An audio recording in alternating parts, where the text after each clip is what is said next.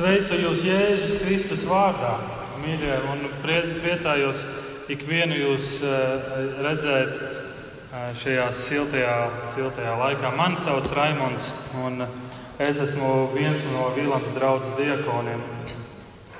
Un šodien man ir uzticēts, uh, uzticēts sludināt uh, mūsu svētdienas sērijas turpinājumu, un mēs jau esam uh, tādā kā sērijas noslēgumā.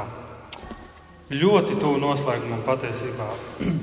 Mēs eh, Vīlandē mēs esam Jēkbu vēstules svētdienas sērijā, un šodien mēs esam piektajā nodaļā.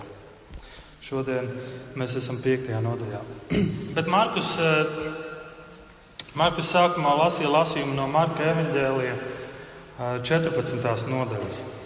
Un tur ir Tur ir minēts par, mēs lasām par kādu populāru vīru, kuru mēs kā tie no mums, kas lasām Bībeli, zinām un pazīstam, un tas ir Pēteris, viens no Jēzus mācekļiem.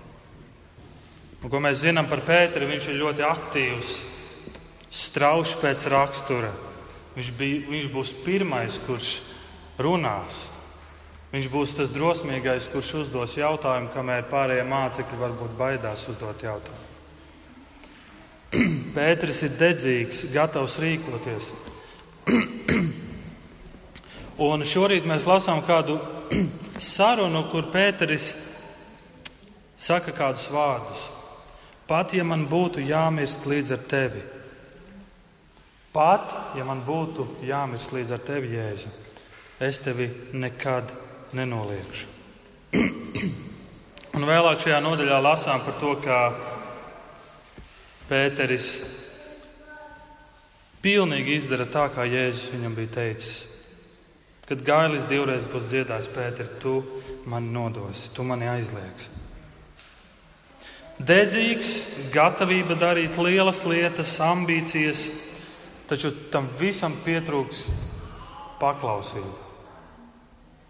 Tam pietrūkst darbība. Un, ziniet, ar mani notiek tieši tāpat. Cik daudzas jaunas lietas esmu apņēmies, centies darīt, līdz brīdim, kad tu redzi, ka tie ir bijuši tikai skaisti nodomi. Vīlandē mēs jau kādu laiku ejam cauri Jēkab vēstulē, un mēs esam apskatījuši tik daudz, tik daudz tēmas. Mēs esam runājuši par to, kā rīkoties, kad mēs sastopamies ar pārbaudījumiem un kārdinājumiem. Mēs esam runājuši par to, kad, ko nozīmē, ka ir svarīgi būt ne tikai vārda klausītājiem, bet arī darītājiem. Mūsu dzīvē ir jāparāda ticībā, jāparādās darbos. Nespriešana par cilvēku pēc izskata, tiesāšana Mēs esam runājuši par ticību un darbiem, mēs esam runājuši par mēli, cik svarīgi ir, ka tu skaties un lūkojies, kā tu runā, kā tu lieto savus vārdus. Mēs esam runājuši par debesu un zemes gudrību, draudzību ar pasauli, par tiesāšanu, par brīdinājumiem, par gudrību, kā lietot naudu. Un, un, un tad es domāju, Cik no mums, kas esam varbūt regulāri gājuši, nākuši un klausījušies šo svētdienas sēriju, un tik daudz gudrības esam klausījušies? Cik no šīm lietām tavā dzīvē reāli ir ieviesušas izmaiņas? Kura no šīm lietām? Kas ir tā lieta, ko tu tiešām esi savā dzīvē izmainījis? Tik daudz stundas tu esi nācis un klausījies. Un nav, nav reizēm tā, ka mēs klausāmies, mēs esam gatavi apņēmības pilni. Jā, šādi tagad es dzīvošu, es mainīšu savu dzīvi, kas ir skaista un laba apņemšanās. Bet tad tu nonāc pie nonāc situācijās, un tu pamani, man bija liela apņemšanās. Tā bija laba apņēmība. Es klausījos, Dievs man runāja bet tam nesako paklausību. Kāpēc? Šodienas vārdi, šodienas teksts, kur mēs atrodamies, ir Jēkaba 5. nodaļa, 13. līdz 18. pants. Es aicinu atvērt Bībeli, seko līdzi, e, klausies uzmanīgi. Mēs ik pa laikam atgriezīsimies šajos pantos. Jēkaba 5. nodaļa, 13. līdz 18. pāns. Ja kāds no jums cieš ļaunumu, lai lūdz Dievu, ja kāds ir labā noskaņā, lai dzied slavas dziesmas, ja kāds starp jums ir nevesels, lai pieaicina, pieaicina draugus presbiterus un tie, lai lūdz Dievu par viņu, svaidīdami viņu ar eļļu kunga vārdā un ticības lūkšana izglābs neveselo, un kungs viņu uzcels. Kaut arī viņš būtu grēkojis, viņam tiks piedots. Tad nu izsūdziet cits citam savus grēkus un lūdziet cits par citu, ka jūs topat dziedināti. Taisna lūdzēja lūkšanas spēja panākt daudz. Elija bija cilvēks, līdzīgs mums, un dedzīgā lūkšanā lūdza, lai nelītu lietus, un lietus nelija uz zemes trīs gadus un sešus mēnešus. Un tad viņš atkal lūdza, un debesis deva lietu, un zeme izaudzēja savus augļus. Es domāju, šodien mēs iespējams īpaši sapratīsim šos, šos vārdus. Varbūt īpaši tie, kas ir atbraukuši no Ventspils. Jo Ventspils ir tāds sausums, tāds sausums, kad iespējams tiks izsludināts ārkārtas stāvoklis. Lūkšana ir šodienas tēma, par ko mēs domājam. Vai tev kādreiz ir bijis nozagts maks? Vai kādam no jums ir no, bijis nozagts maks? Tā nav patīkama sajūta, vai ne? Bet kas ir tas, ko tu dari, kad tu apzinājies, ka tev maks ir nozagts? Kas ir tās lietas, ko tu dari? Tu krīt panikā, vai kas ir trīs lietas, ko tu uzreiz zini, es darīšu? Iespējams, viena no lietām, ko tu darīsi, tu zvanīsi uz banku un teiksi, man ir nozagts maks, lūdzu, nobloķējiet manu bankas karti. Jo mēs esam bagāti, jo mums ir bankā konts un, un, un, un paldies Dievam par to. Iespējams, tu atgriezies uz to vietu, kur iespējams šis, šis negadījums ir noticis. Un iespējams, tu ziņo arī policijai. Pirms divām nedēļām man bija iespēja mācīties pirmo palīdzību. Tas bija kā tāds gan atkārtojums, gan kaut kādas jaunas lietas mācīties. Un pirmajā palīdzībā uh, tiek lietots tāds termins kā palīdzības ABC. Kas ir pirmais, ko tu dari? kad redzi, ka kādam ir vajadzīga palīdzība. Tu pārliecinies par savu un apkārtējo drošību, pārbaudi cietušās sāmaņus, sauc palīgā citus, novieto cietušos mugurus, atbrīvo elpceļus un pārbaudi un izvērtē elpošanu pēc redzes, dzirdes un jūtām un tā tālāk. Un ja nav elpošana un atkal ir kādas konkrētas lietas, ko tu dari? Pirmās palīdzības ABC. Ko tu dari, noteiktā situācijā, ja tu redzi kādam vajadzīga palīdzība. Vai tu zini, kur tev mājās atrodas pirmās palīdzības aptiecība? Vai tu zini, kur tev mašīnā atrodas aptieciņa, vai tev mašīnā ir pirmās palīdzības aptieciņa? Vai tu zini, kas tajā ir iekšā? Un vai tu zini, kā to lietot? Šodienas teksts mums arī savā ziņā dod tādu kā ABC Vai tu zini, kas tev jādara, ja tu cieti ļaunumu? Vai tu zini, kas tev jādara, ja tu esi labā noskaņā, ja tu esi priecīgs, tavā dzīvē iet labi? Vai tu zini, kas jādara, ja tu esi nevesels, vājš? Un Jēkabs mums dod skaidru atbildi. Tu lūdz Dievu. Tu lūdz Dievu. Iepriekšējos pantos, pagājušajā svētdienā, mēs skatījāmies par to, kad, kā Jēkabs brāļiem un māsām raksta ar iedrošinājumu un atgādinājumu staigāt pacietībā. Cik ļoti pacietība ir nepieciešama. Un ticīgie ir vajāšanās, viņi ir dažni dažādās problēmās, ciešanās, piedzīvo grūtības, cieš trūkumu. Tāpēc Jēkabs saka, lai tu panestu, lai tu paciestu šos grūtos apstākļus. Tev vajag staigāt pacietībā. un tev ir nepieciešama lūkšana. Tev ir nepieciešama lūkšana. Viņš runā par lūkšanu šajos pantos uz mums kā individiem, un viņš runā par lūkšanu uz mums kā uz draugu. Un šodien vēlos domāt par trīs lietām. Lūkšanas nepieciešamība, lūkšanas spēks un lūkšanas piemērs. Lūkšanas nepieciešamība, lūkšanas spēks un lūkšanas piemērs. Pirms kāda laika, pirms kāda laika, vairākus gadus atpakaļ, bija kāds vīrs, kurš bija kādas kristīgas organizācijas vadītājs. Un viņš mani aicināja uz kādiem pasākumiem, un šie pasākumi bija saistīti ar, ar jauniešu darbu Latvijā, ar, ar jauniešu pasākumiem. Viņš mani aicināja uz eh, dažādām konferencēm, semināriem un mēģināja mani vairāk iesaistīt. Kur kādā konferencē eh, bija, mēs bijām kopā un mēs klausījāmies par eh, semināru par lūkšanu. Un pēc tam mēs sadalījāmies grupiņās, un mēs, mēs aizgājām un, un, un apsēdāmies grupiņās. Un, un viens no jautājumiem, ko es viņam jautāju, ir, nu, pastāst, kā tas ir tavā dzīvē? Kā ar lūkšanu ir tavā dzīvē? Un viņa atbilde skanēja līdzīgi. Viņa atbildē skanēja šādi: Tu zini, es pats neesmu lūdzējis, bet manai sievai ir lūkšanas dāvana. Viņa ir tā, kas lūdz mūsu ģimenē.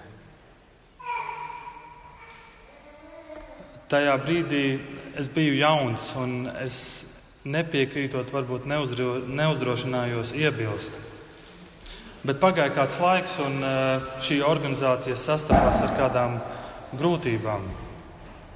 Un šī cilvēka lēmums bija atstāt organizācijas vadītāju amatu un aiziet. Atstāt šo amatu un vienkārši aiziet. Tas, ko Jēkabs mums atgādina, ir, ka ir svarīgi, ka mēs lūdzam. Ir svarīgi, ka mēs saprotam lūgšanu un mēs saprotam, cik lūgšana ir nepieciešama.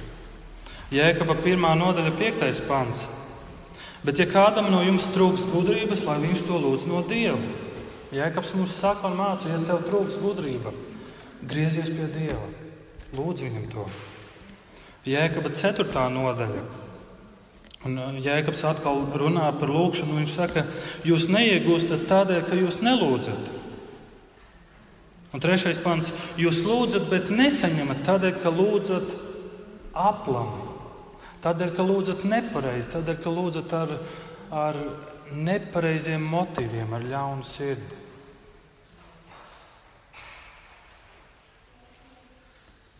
Visa pasaule kaut ko pielūdz, reizēm ir tāda sajūta. It sevišķi, kad notiek kāda nelaime, tad tu redzi, pray for Paris, Lūdzu par Parīzi, lūdzu par Manchesteru, pray for Porzingis. Un, eh, un kādiem tiešām tā ir lūkšana, bet kādiem tie ir tikai līdzjūtības vārdiem, līdzjūtības vārdi. Bet kristiešiem lūkšana nav tikai līdzjūtības vārdi. Kristiešiem lūkšana nav tikai formula, kuru izpildot, tu panāc noteiktu rezultātu. Kristieša lūkšana nav par to, ka mēs liekam Dievam kaut ko darīt.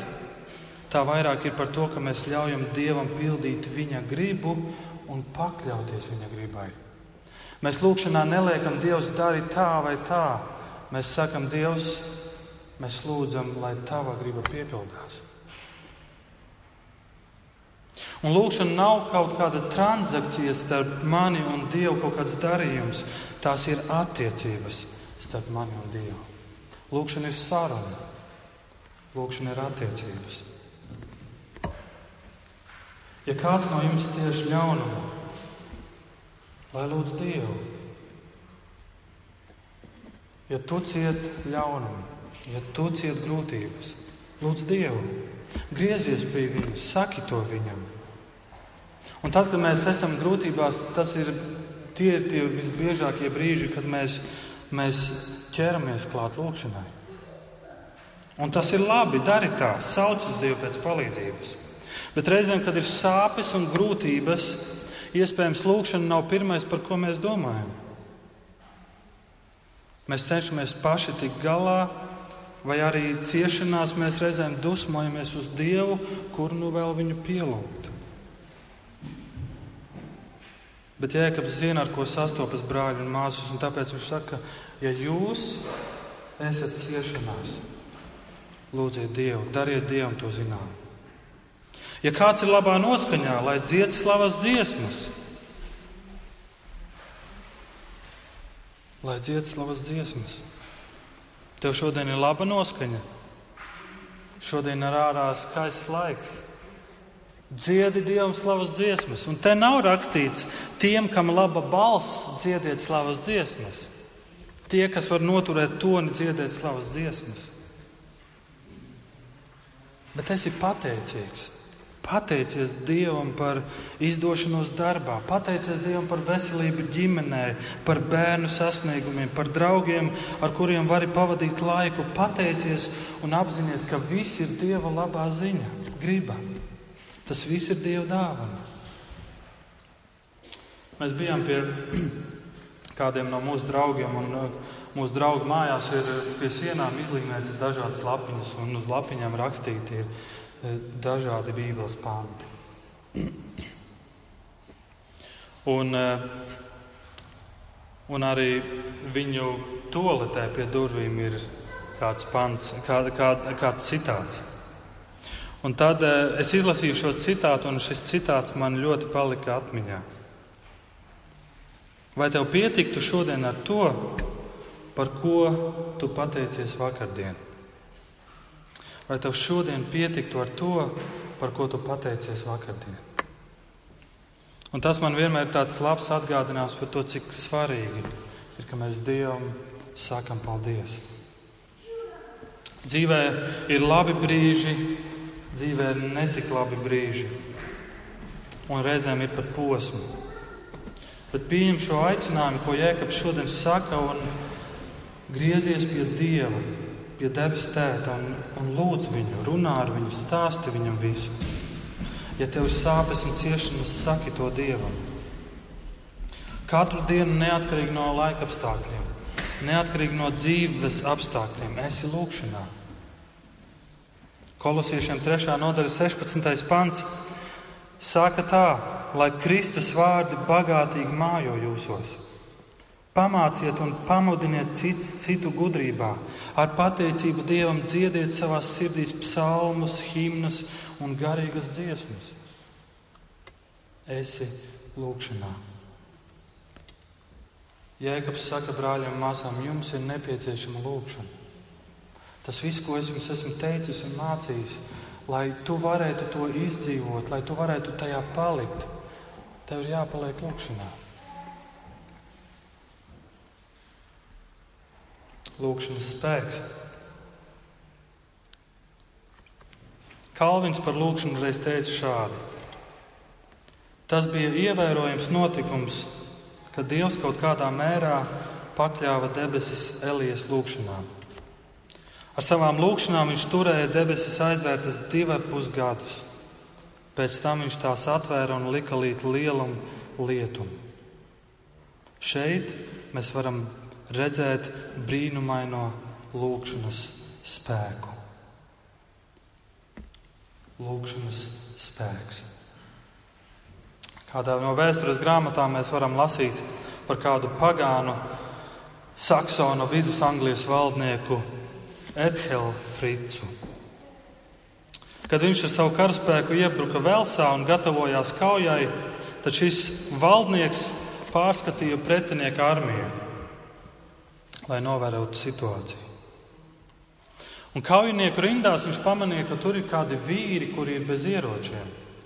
Un tad viņš jautāja, kas ir šie vīri, kuri ir bez ieročiem. Un viņam tika atbildēts, tie ir kristiešu mūki, kas lūdz dievam uzvaru pār šo kauju. Un šis valdnieks apzinājās kaujas nopietnību un deva pavēli ka pirmajiem uzbrukt kristiešu mūkiem.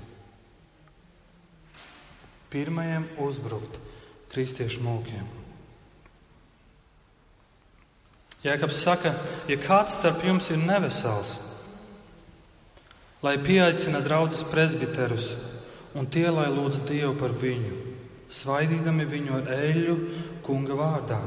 Un ticības lūkšana izglābs neveselo, un kungs viņu uzcels, kaut arī viņš būtu grēkojis, viņam tiks piedots. Tad nu izsūdziet cits citam savus grēkus un lūdziet cits par citu, ka jūs to pat dziedināti. Taisna lūdzēja lūgšanas spēja panākt daudz. Taisna cilvēka lūgšanas. Taisna lūdzēja lūgšanas spēja panākt daudz. Ja kāds ir slims, aicina draugus vadītājus, lai tie lūdz par tevi. Svaidīdam, svaidīdam ar eļļu kunga vārdā. Un es domāju, tas, ko Jēkabs aicina mums domāt un aicina, izaicina lasītāju un klausītāju, ir uztver lūkšanu nopietni. Ja tavā dzīvē ir nopietna slimība, un tu esi draudzē, tad tā lieta, ko tu darīsi, tu aicinās draugus vadītājus. Aicina draugus vadītājus, lai viņi lūdz par tevi Dievu. Uztver šo lietu nopietni. Aicina, lai viņi par tevi lūdz. Un es domāju, ka šis pants nav tikai par uh, fizisko slimību vai fizisko vājumu, bet arī par garīgo vājumu. Un iespējams visdrīzāk par garīgo vājumu. Ja tu esi vājš un tu cieti grūtības. Aicini draugus vadītājus, lai viņi par tevi lūdz. Ja tavā dzīvē ir liela atkarība un tu netiec ar to galā, aicini draugus vadītājus.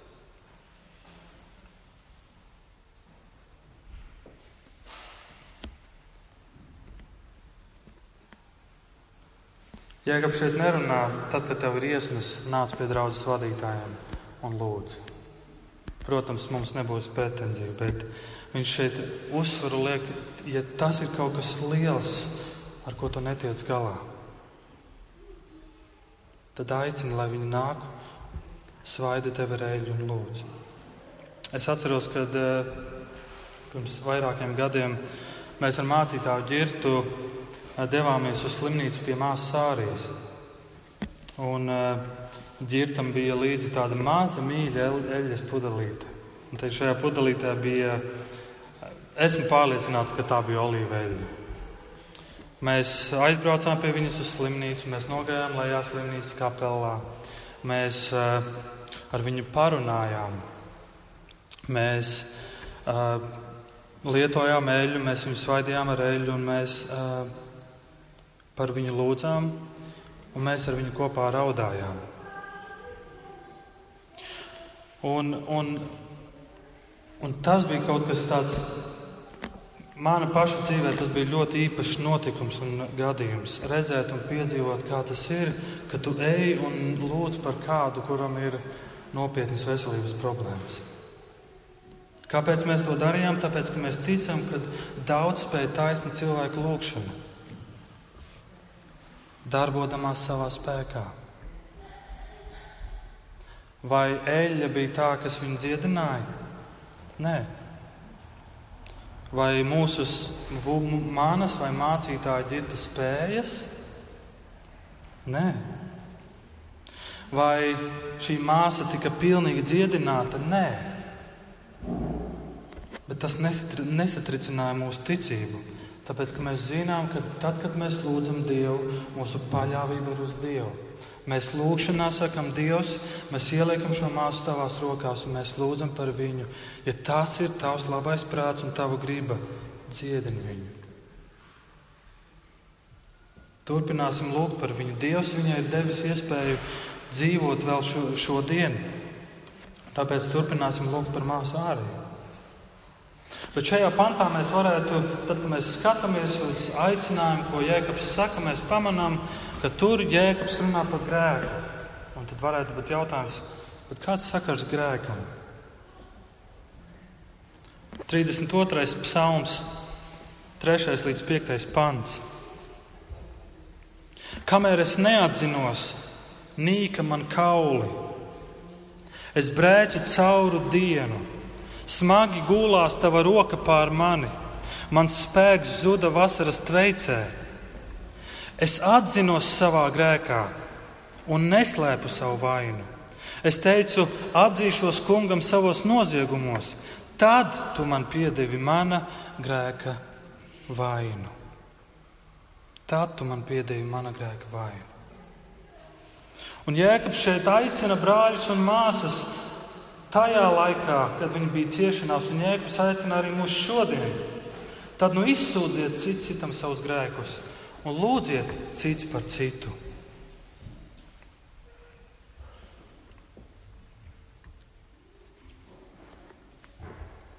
Kādā universitātē tika veikts pētījums, un secinājums bija šāds.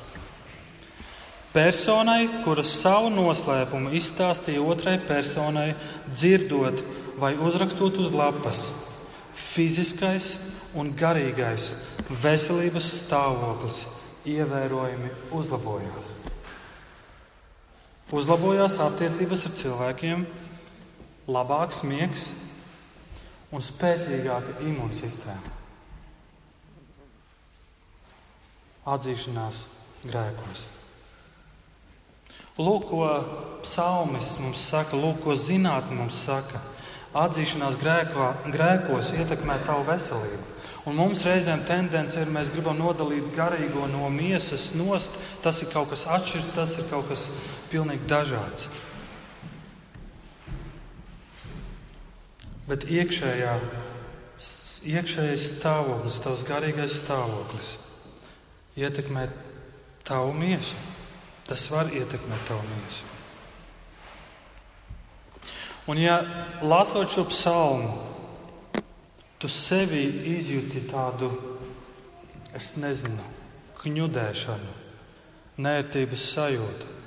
Un tu saproti, ka ir lietas, kuras ir manā dzīvē, kuras negribu, lai neviens nezina, par kuriem man pat kauns runāt par kuriem iespējams man pat kauns teikt savai sievai vai savam vīram.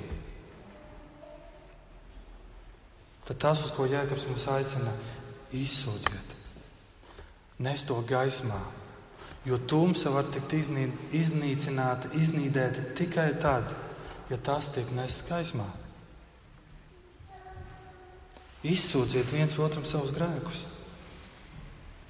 Un, un lūk, tur redzi šajos pantos, ka šeit Jēkabs aicina uz sadraudzību ar Dievu, uz īpašām attiecībām ar Dievu. Un vēl Jēkabs aicina uz sadraudzību draudzē, ka mēs kā brāļi un māsas, mēs zinām, kā mums, kā mums iet. Ka mēs zinām, ar ko mēs cīnāmies, ka mēs zinām, par ko mēs viens par otru varam lūgt. Ka mūsu satikšanās nav tikai čau, kā tev iet, kā tev iet darbos, labi, lai Dievs tevi svētī. Bet ka mūsu sarunas varētu būt vairāk, tu zini, es, es cīnos ar šo lietu un es netieku galā. Lūdzu par mani. Labi, darām to tagad, lūdzam. Un, un šeit ir svarīga lieta, ka Jēkabs, kad runā par šiem pan, šajos pantos, viņš Viņš nesaka, tad, kad tev ir slimība, vai tad, kad tev ir uh, vājums, kas var būt garīgs vājums, kas var būt kaut kas garīga cīņa. Viņš nesaka, aicini presbiterus, kuriem ir dziedināšanas dāvana. Viņš ne, nesaka tam, kuram ir dāvana, tam, kuram ir lūkšanas dāvana, aicina tos. Es neko tādu šeit nelasu.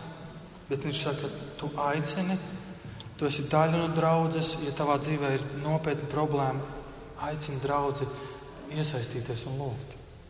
Būt daļai no tavas ciešanas, no tavām ciešanām, no tavām sāpēm.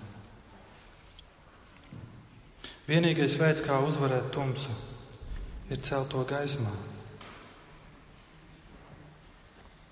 Ja tavā dzīvē ir atkarība, nepaliec ar to viens. Neslēpies. Neslēpies. Un mūsu mērķis noteikti nav cilvēkus pazemot. Mums nav prieks par to, ka cilvēks nāk un saka, man ir problēmas ar pornogrāfiju, es ar to netieku galā jau vairākus gadus. Mums nav par to prieks. Tev ir kaut kas jāmaksā, lai tu spērtu šo soli. Un tev jābūt pazemīgam, lai tu nāktu un atzītos. Un mūsu mērķis ir, un katrā draudzē, un Jēkabs saka, mērķis ir, ka mēs varam palīdzēt viens otram, staigāt šajā paklausībā un šajā patiesībā. Daudz spēja taisni cilvēka lūgšana, darbodamies savā spēkā. Daudz spēja taisni cilvēka lūgšana, ja tā tiek lietota. Kas ir taisnīgs cilvēks?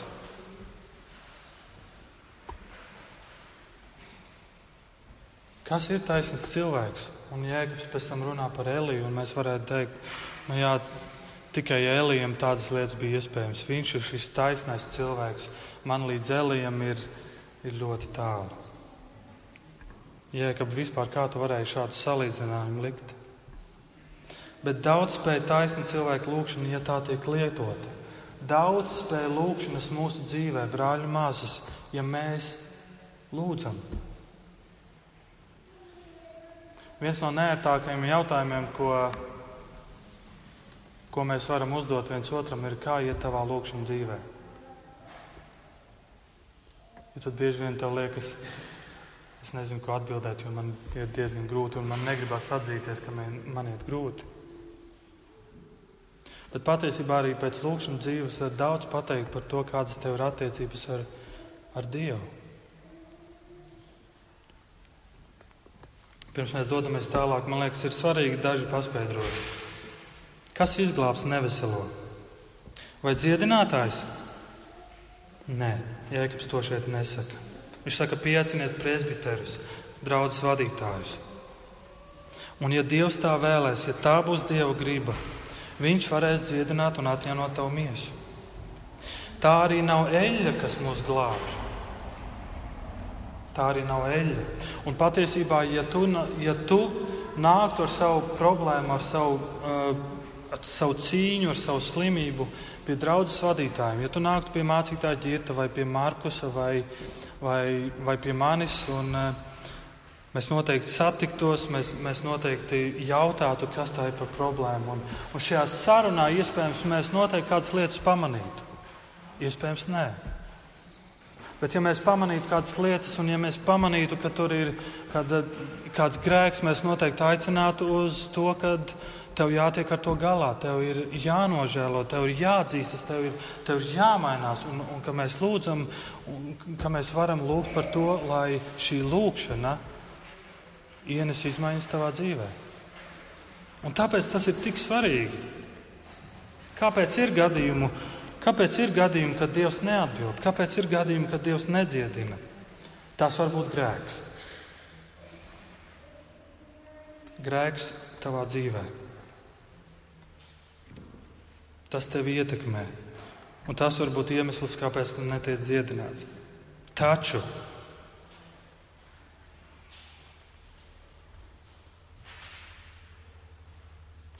un ticības lūkšana izglābs neveselo, un kungs viņu uzcels, kaut arī viņš būtu grēkojis. Angļu tekstā ir vārdiņš if. Ja, un šis vārdiņš parāda, ka ja pat tad, kad tu būtu grēkojis, kas parāda to, ka uh, slimības nav tikai grēka iemesls. Slimības var būt arī kāds cits iemesls. Mēs dzīvojam pasaulē, kas ir salauzta pasaule, sabojāta un samaitāta, un tā mūs ietekmē. Un varbūt arī dažādi citi iemesli, kāpēc Dievs mūs nedziedina. Un mēs Bībelē lasām par Pāvilu, kuram bija palīgs kalpošanā, un šis palīgs saslima, un Pāvils viņu atstāja un devās viens pats kalpošanā. Un tad varētu jautāt, bet Pāvils, kāpēc tu nelūdz par viņu un nedziedināji viņu? Tāpēc, ka Dievam bija cits plāns. Un Pāvils pats par sevi saka, ka viņam bija slimība, par kuru viņš ir vairāk kārt lūdzis. Kāda kaita un tā ir palikusi. Un, un Pāvils saka, ka viss ir, diev, viss ir no Dieva žēlstības. Un vēl viena svarīga lieta, ko ir svarīgi saprast, un ko es esmu dzirdējis, ko daudzi domā, kad jā, viss, kas tavā dzīvē ir vajadzīgs, ir tikai lūkšana, jā, un tā ir vajadzīga, un zālēm es saku nē. Patiesībā olīva eļļa pirmajā gadsimtā bija viens no tādiem medicīnas, viens no primārajiem medicīnas līdzekļiem, kas tika lietots. Un daudz šodien ignorē to medicīnas attīstību, kura mums ir šodien pieejama. Un tad tu lasi gadījumus, kad vecāki dodas uz, uz kādu baznīcu, lai par viņa dēliņu, kuram ir, uh, kuram ir cukura, kurš ir slimo ar cukura diabētu, Un, un viņš nāk pie šiem vecajiem, un viņi svaida reļu un lūdz un saka, ka viss viņš ir dziedināts. Un vecāki pēc aizbrauc mājās un savam dēlam saka, viss tu esi dziedināts. Zāles, potes mēs vairs nelietojam. Tu esi dziedināts. Paiet kāds laiks, uzlabojumu nav. Nē, mums, mums, mums jābūt stiprākai ticībai, lūgsim vēl vairāk. Viņi moka sevi, viņi moka savu dēlu, un, un viņi paliek pie tā, viņi nelieto zāles, un dēls aiziet bojā. Un ir daudz tādu gadījumu tikai tāpēc, ka mēs, mēs klausāmies uz to, kas ir maldi, mēs neizprotam līdz galam, mēs nesaprotam, kas ir, no kā tas ir atkarīgs, kas ir Dieva griba. Un vai mēs paļaujamies uz to, vai mēs gribam paši lietas risināt? Daudzi šodien mokās ar to. Daudz šodien ir vajadzības par veselību. Un Jēkabs nobeidz ar lūkšanas piemēru. Spēcīgs piemērs vīrs no vecās derības Elija. Elija bija cilvēks, 17. pants. Elija bija cilvēks līdzīgs mums. Un dedzīgā lūkšanā lūdza, lai nelītu lietus, un lietus nelija uz zemes trīs gadus un sešus mēnešus. Cerams, Latvijā tā nebūs. Tāda sajūta, ka vajadzētu kādu tādu elijas lūkšanu un sāktu Latvijā līt lietus, lai Ventspēlī sausums izjustu un citās vietās. Bet 17. pantā viņš dod lūkšanas piemēru, viņš dod piemēru par kādu vīru, kurš bija ievērojams ar savu darbību un uzticēšanos Dievam. Elija bija cilvēks līdzīgs mums, tāds pats kā mēs. Mēs lasām vecajā derībā, ka Elija stāv ļauna ķēniņa Ahaba priekšā. Šim ķēniņam ir sieva, ļauna sieva Jezebele. Un Elija viņam paziņo, un sešus mēnešus jau bija bijis uh, sausuma periods, nav līs lietus, un Elija paziņo vēl trīs gadus nelīs lietus. Ahabs ir dusmīgs, viņš vēlas nogalināt Eliju. Elija dodas prom uz ielēju. Viņš nokļūst ielējā, viņam nav ko ēst, kraukļi nes viņa mēdienu. Dievs par Eliju rūpējas. Un arī šī iela sāk, sāk izžūt, jo, jo visur ir sausums, lietus nav līs. Dievs Elijas sūta uz, uz, kādu, uz kādu vietu pie kādas atraitnes, kura dzīvo kopā ar savu dēlu. Un viņš lūdz šai atraitnei pajumti un lūdz arī ēdienu. Un šī atraitne saka, tu zini, ko mums ir palicis tik daudz miltu, tik daudz eļļas un tik daudz ūdens, ka mēs šodien pagatavojam plāceni un viss, un mēs mirstam. Jo mums vairs nav. Elija saka, Dievs man ir sūtījis, uzticies, Dievs par visu gādās. Un katru dienu bija tik daudz miltu, eļļas un ūdens, lai katrai dienai pietiktu uzcelt plāceni un pietiktu trīs cilvēkiem. Un pēc tam, kas notiek, nomirst atraitnes dēls, un viņa sevi vaino, varbūt ir mani grēki, kāpēc dēls ir gājis bojā. Un Elija, Elija lūdz Dievu par šo dēlu, un viņš atgriež caur lūgšanām viņš atgriež dēlu atraitnē. Un vēlāk mēs lasām ar kalnā ar bālu praviešiem un sadragā viņus. Viņš uzbūvēja altāri, uzliek upuri un, un lūdz Dievu, un, un uguns nāk un aprīja altāri ar visiem akmeņiem. Mēs varētu domāt, kā man gribētos, lai man būtu šāda gara dāvana, ka es lūdzu un uguns nāk. Un tad zinātu katru vietu, kur Raimons ir bijis Latvijā. Bet pēc tam Elijam tiek piedraudēts, un šī jēzabele viņam draud, un Elija bēg. Jā, viņš bēg. Viņš krīt izmisumā. Viņš saka Dievam lūd, tādu lūgšanu, viņš saka, es gribu mirt. Elija bija cilvēks, līdzīgs mums. Vai Elija bija tas, kurš darīja šīs lielās lietas un šos brīnumus? Vai tās lūkšanas, ko viņš teica? Uzticība lūkšanās. Elija lūdza Dievu, viņš lūdza izmisīgi un vairāk kārtīgi, neatlaidīgi Dievu par to, lai nelīst lietus, un lietus nelija. Un pēc tam Dievs Elija atkal lūdza Dievu, lai lietus lītu un lietus lija. Tu esi slims, tu cieti, tavā dzīvē ir cīņas, ar ko tu netiec galā, uztver lūgšanu nopietni. Nāc pie draudzes vadītājiem, pienāc pie mums. Mēs noteikti centīsimies tev palīdzēt tik, cik ir mūsu spēkos, mūsu sapratnē un mūsu ticībā. Bet nepaliec viens ar to. Un uh, lasīju kādu līdzību. Kāds vīrs novēro cilvēkus Dresdenes mākslas galerijā. Un tur cilvēki stundām sēž viena mākslas darba priekšā, lai to studētu, un pētītu un baudītu. Un mākslas mīlētāji ilgu laiku pavada viena mākslas darba priekšā, līdz brīdim, kad viņi mākslinieki to varētu pateikt labāk, bet kad viņi kļūst viens ar šo mākslas darbu, ka viņi tā kā savienojas. Mākslas mīlētāji pavada ilgu laiku mākslas darbu priekšā. Cik daudz vairāk mums būtu jāpavada Dievs, jāpavada laiks ar Dievu, kurš ir radījis šos mākslas darbus.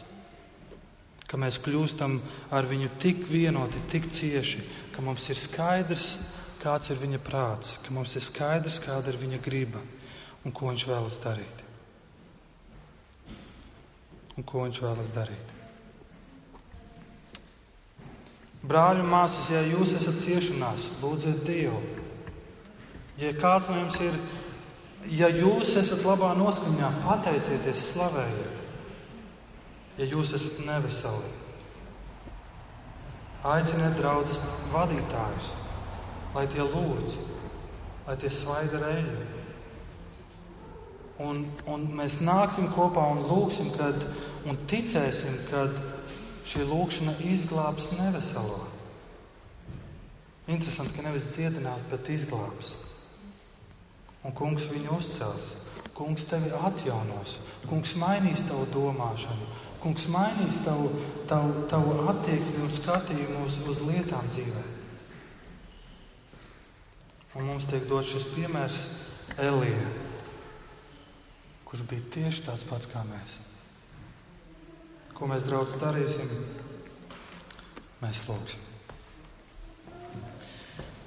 Devis Tēvs, Paldies par Tavu vārdu šodien, paldies par uh, tiem atgādinājumiem, ko Tu mums māci. Un, mīļais Tēvs, un uh, Tu redzi mūsu ikvienu katru. Tu redzi, cik šī svētdienas sērija ir izmainījusi mūsu dzīves, vai arī nē, vai arī neko nav izmainījusi.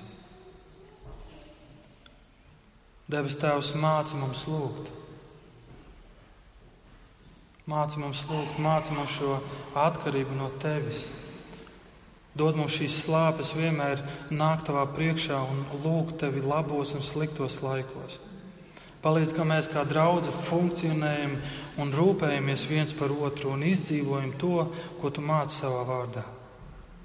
Ka mēs izsūdzam viens otram savus grēkus, ka mēs iedrošinam, ka mēs lūdzam viens par otru, lai celtu draugu, lai celtu brāļus un māsas un lūgt ticībā, ja kāds ir nevesels, lūgt pēc dziedināšanas, pēc tavas žēlstības, pēc tava labā prāta.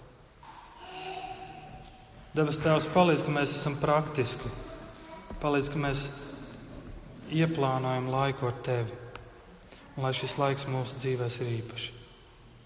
Jā, svētī savu vārdu, Jēzus vārdā. Āmen!